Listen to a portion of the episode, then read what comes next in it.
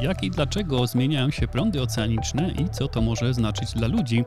Jak wyleczyć złamane serce i czy sekret odnaleziono w głowie?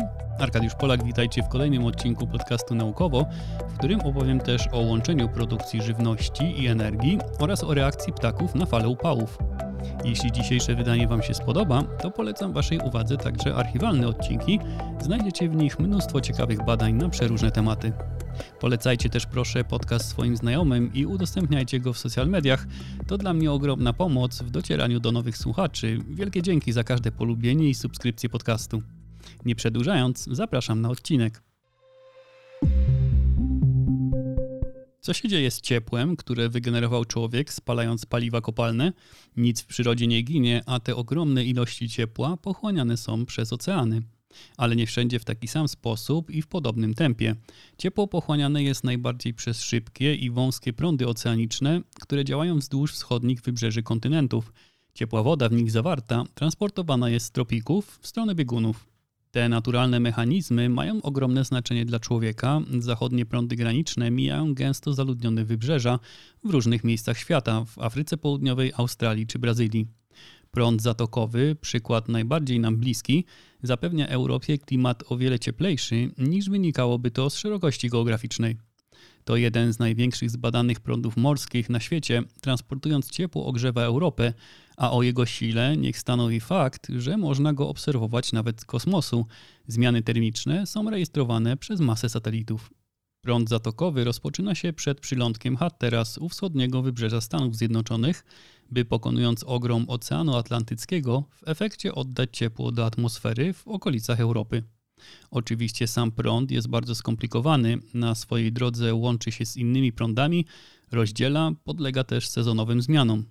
Niemniej efekt jego działania odczuwamy w Europie powszechnie, podobnie jak w innych częściach świata oddziałują inne prądy, południowoafrykański na Oceanie Indyjskim, wschodnioaustralijski na Pacyfiku i brazylijski na Oceanie Atlantyckim.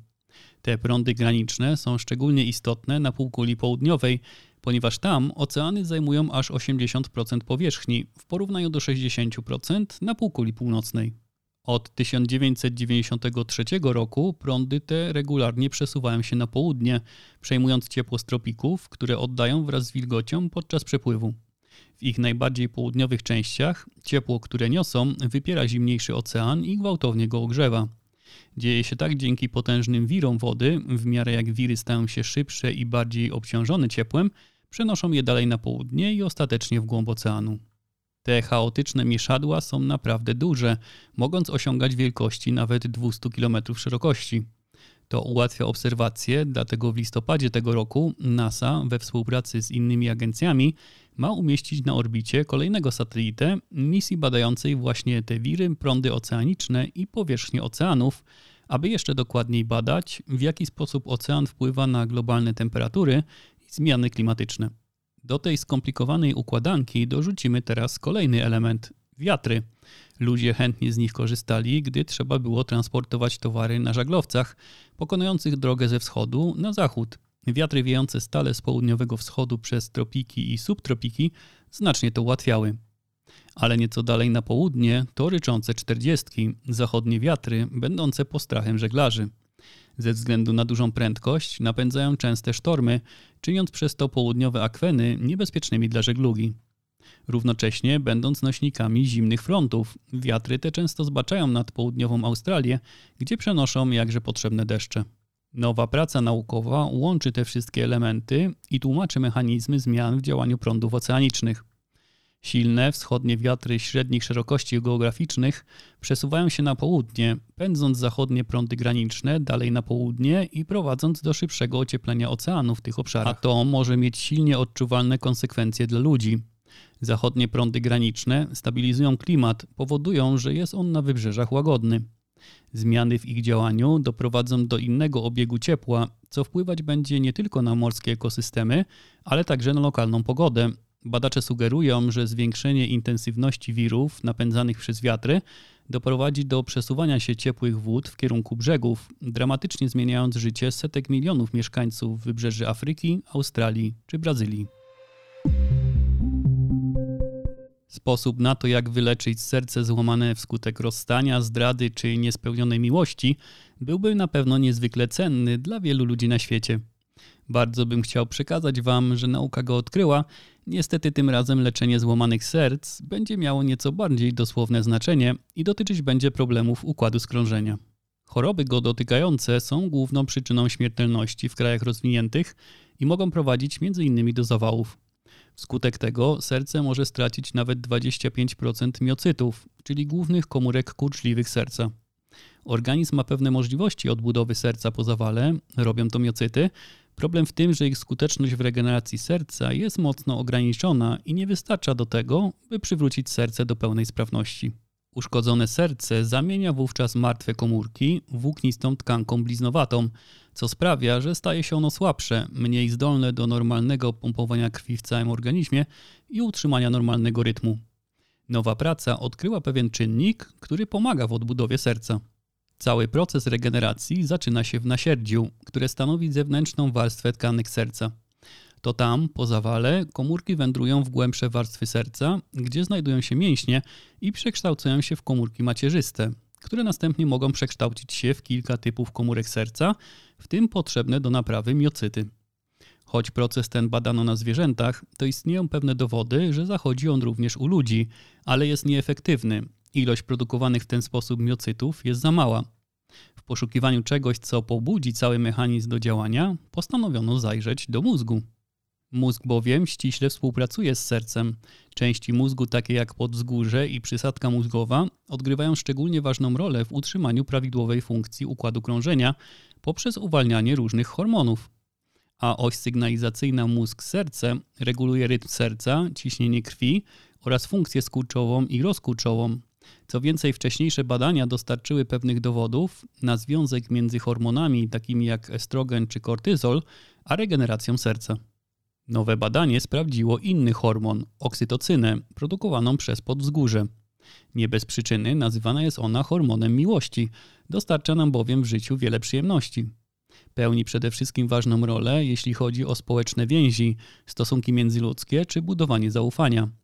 Jej poziom wzrasta, gdy ludzie przytulają się, uprawiają seks czy przeżywają orgazm, ale wspiera ona także inne funkcje organizmu, takie jak wywoływanie skurczy podczas porodu czy obniżanie ciśnienia krwi. Naukowcy przeprowadzili próby na pewnym gatunku ryb akwariowych. Dań opręgowany znany jest z tego, że potrafi regenerować tkanki swojego ciała, w tym serce. W zaledwie 3 dni po urazie serca ich mózgi pompują ogromne ilości oksytocyny do organizmu, produkując jej nawet 20 razy więcej niż przed urazem. Hormon ten, podłączając się do receptorów, rozpoczynał proces przekształcania komórek nasierdzia w nowe miocyty, naprawiające uszkodzenia serca.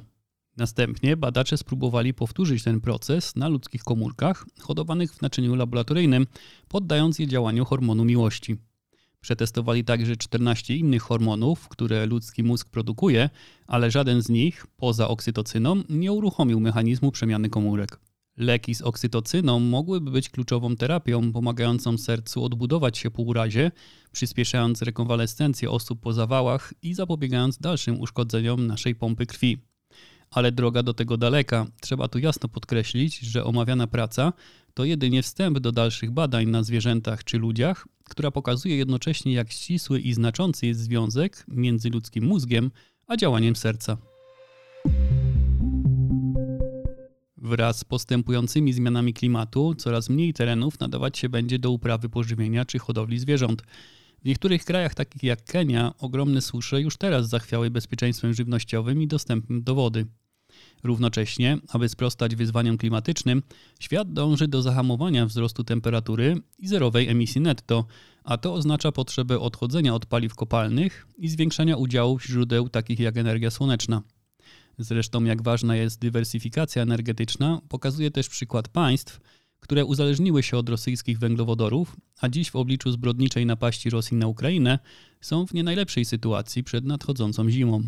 Dlatego Wielka Brytania chce w ciągu trzech lat zwiększyć swoją produkcję energii słonecznej dwukrotnie, ale aby to zrobić, potrzebne są tereny, które wykorzystać można pod nowe farmy paneli fotowoltaicznych.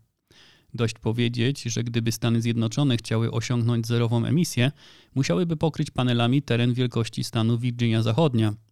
I tu pojawia się problem w zarządzaniu gruntami, przeznaczyć je bardziej na rolnictwo czy podbudowę nowych farm słonecznych. Istnieje jednak pomysł, który łączy te dwie pozorne sprzeczności. Jest nim agrowoltaika, czyli połączenie produkcji żywności i energii na tej samej działce, parki słoneczne budowane w specyficzny sposób i dające wiele korzyści. Panele słoneczne są tam ustawiane na rusztowaniach w większej odległości od siebie, w taki sposób, aby słońce docierało również pod nie, także dzięki uniesieniu całych konstrukcji. Dzięki temu pod panelami można uprawiać rośliny czy hodować zwierzęta, np. jagnięta. Taka symbioza roślin i paneli daje korzyści obu stronom. Najprostsze tego typu systemy można traktować po prostu jak łąkę, wykorzystując ziemię pod panelami do uprawy roślin tak potrzebnych zapylaczom, zwiększając bioróżnorodność i produkcję na okolicznych polach uprawnych. Ale bardziej skomplikowane systemy zakładają również możliwość produkcji żywności pod panelami. I nie jest to żadna mrzonka, ponieważ już istnieją. Od 15 lat buduje się je w Europie, Azji czy Stanach Zjednoczonych, a w ciągu 10 lat farmy łączące produkcję żywności i energii osiągnęły taką samą moc słoneczną jak cała Wielka Brytania, wzrastając z 5 do 14 tysięcy megawatów. Oczywiście to, ile zasobów wyprodukują takie farmy, zależy od ich położenia. W ciemniejszych i chłodniejszych krajach, takich jak Niemcy, gęstość paneli musi być mniejsza, aby światło docierało do roślin pod nimi. W takich miejscach wydajność mierzona oddzielnie dla plonów i energii jest niższa niż na terenach wykorzystywanych tylko pod rolnictwo czy farmy. Ale gdy liczymy to razem, to produktywność takiej działki jest wyższa, ponieważ w tym samym czasie produkuje dwa zasoby żywność i energię. Natomiast tam, gdzie warunki są sprzyjające, ilość plonów znacząco rośnie. Na jednej z badanych farm w Arizonie produkcja pomidorów podwoiła się, a papryki potroiła, gdy hodowano je pod panelami. W Kenii plony kapusty były o 24% większe przy jednoczesnym zmniejszeniu użycia wody o prawie połowę. Panele osłaniają bowiem rośliny przed uszkodzeniem przez promieniowanie ultrafioletowe, mają one też mniejsze zapotrzebowanie na nawadnianie. W niektórych miejscach o specyficznym klimacie panele okazały się również wydłużać sezon wegetacyjny niektórych upraw poprzez utrzymywanie ich w cieple w nocy, gdy temperatura spada. W zamian za ochronę rośliny zapewniają panelom równie ważną korzyść chłodzenie. Pod wpływem bardzo wysokich temperatur krzem znajdujący się w panelach fotowoltaicznych nienaturalnie się nagrzewa, co może prowadzić do gwałtownego spadku napięcia modułów, a tym samym do obniżenia ich efektywności energetycznej. Powyżej 25 stopni Celsjusza panele zaczynają pomału tracić wydajność, aż do nawet 15% mocy modułu, gdy temperatura przekroczy 40 stopni Celsjusza. Rośliny, które uprawiane są pod panelami, zapewniają im chłodzenie ewaporacyjne. Jest to proces, który przebiega poprzez odparowanie wody. Korzystano z niego już w starożytności. Rzymianie czy Persowie budowali kanaty, czyli kanały pod budynkami, które wypełnione wodą i wspomagane przez cyrkulację powietrza zapewniały prostą klimatyzację. Wilgoć w piwnicy parowała, zmniejszając temperaturę powietrza, a jego cyrkulacja zapobiegała powstawaniu stęchlizny. W niektórych domach schłodzone i lekko wilgotne powietrze wypływające z piwnicy rozprowadzano siecią pobocznych kanałów do pomieszczeń mieszkalnych. Ten sam sposób rośliny od spodu chłodzą nagrzewające się panele, co ma spore znaczenie na dachach budynków, gdzie również można stosować agrowoltaikę. Oczywiście cały pomysł musi zostać dopracowany, aby obniżyć koszty konstrukcji, zmniejszyć ilość materiałów potrzebnych do budowy wyższych farm paneli i koszty ich późniejszego utrzymania, czy opracować najbardziej optymalne rodzaje upraw pod takie systemy. Jednak ten dynamicznie rozwijany pomysł połączenia rolnictwa i produkcji energii jest niezwykle ciekawy i po rozwiązaniu tych problemów może stać się dobrą, komercyjną technologią na przyszłość, możliwą do stosowania na całym świecie. Wydajność paneli słonecznych pod wpływem ciepła to mały problem w porównaniu do skutków, jakie niosą upały dla ludzi, zwierząt i roślin. Ostatnie lata z falami upałów w różnych częściach świata spowodowały masę ludzkich tragedii, rozległe susze czy ogromne pożary. Choć w niektórych częściach świata zdarzają się one regularnie, to australijskie pożary w sezonie 2019-2020 można nazwać prawdziwą katastrofą. Ponad 100 tysięcy kilometrów kwadratowych spalonego terenu, śmierć kilkudziesięciu osób i ponad miliarda zwierząt, spalone domy i infrastruktura publiczna. Takie wydarzenia potrzebują nie tylko iskry, ale też odpowiednich warunków, które w Australii wystąpiły. To właśnie 2019 rok był najcieplejszym od chwili rozpoczęcia pomiarów temperatury, także ilość opadów była dużo mniejsza niż zwykle. I te warunki czynią spustoszenie nawet bez pożarów, jak donosi nowe badanie, także wśród ptaków. Długoterminowe badania rozpoczęto w 1986 roku. Ochotnicy łapali, oznaczali i wypuszczali ptaki w dwóch regionach Nowej Południowej Walii. W ten sposób pozyskano ogromny zbiór danych dotyczący 22 tysięcy ptaków z 37 różnych gatunków, takich jak miodojady, gołębie, szpaki, zięby czy chwostki. Po analizie danych badacze doszli do wniosków, że zimy nie spowodowały dużego spadku wskaźnika przeżywalności ptaków. Natomiast latem sytuacja przedstawia się już zgoła inaczej. Gdy były one łagodne i temperatura nie przekraczała 38 stopni Celsjusza, to 86% ptaków swobodnie dożywała jesieni. Ale gdy w okresie letnim minimum przez 30 dni temperatura przekraczała 38 stopni Celsjusza, to tylko 59% ptaków przeżyło ten okres. Zgodnie z przewidywaniami, liczba takich dni ma się do końca wieku podwoić, a jeśli ludzie nie będą ograniczać emisji i doprowadzą do pogłębiania się ocieplenia, to dla ptaków oznacza to zakładę. Tylko 11% z nich przeżyje pełne upałów lata. Oczywiście są to tylko szacunki i pewne scenariusze, ale szacunkami nie są inne wyniki badań, które pokazują sposoby ptaków na fale ciepła. W tym celu przyglądano się ptakom podobnym do rudzików przez 3 lata. Śledzono losy 40 par lęgowych. Gdy temperatura powietrza zbliżyła się do 35 stopni Celsjusza, ptaki przeniosły się na szczyty najwyższych drzew, gdzie wiatr schładzał ich ciała. Ale gdy temperatura osiągnęła 40 stopni Celsjusza, przeniosły się na ziemię, chroniąc się w zagłębieniach i dziuplach, tracąc jednocześnie masę ciała, ponieważ pozostając w ukryciu przed słońcem, nie mogły żerować. Około 29% badanych dorosłych ptaków zostało uznanych za martwych w ciągu 24 godzin od chwili, w której temperatura powietrza osiągnęła rekordowe 49 stopni Celsjusza w 2019 roku. Gdy temperatura podniosła się powyżej 42 stopni Celsjusza, wszystkie jaja w 41 obserwowanych gniazdach uległy zniszczeniu, podobnie jak 21 wyklutych już piskląt. Australia jest specyficznym kontynentem i zapewnie wyniki podobnych badań w Europie byłyby inne, pewnie nie tak bardzo dramatyczne.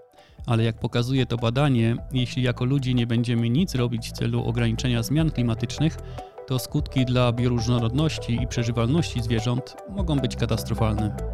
I tym pesymistycznym akcentem kończymy dzisiejszy odcinek. Zapraszam na kolejny w środę, postaram się w nim o lepsze wiadomości. Zajrzyjcie też na stronę naukowo.net, znajdziecie tam masę ciekawych artykułów popularno-naukowych. Zapraszam też do dołączenia do naszej społeczności na Discordzie. Wszystkie linki znajdziecie w opisie odcinka. Życzę przemiłego weekendu, dzięki za dziś, do usłyszenia.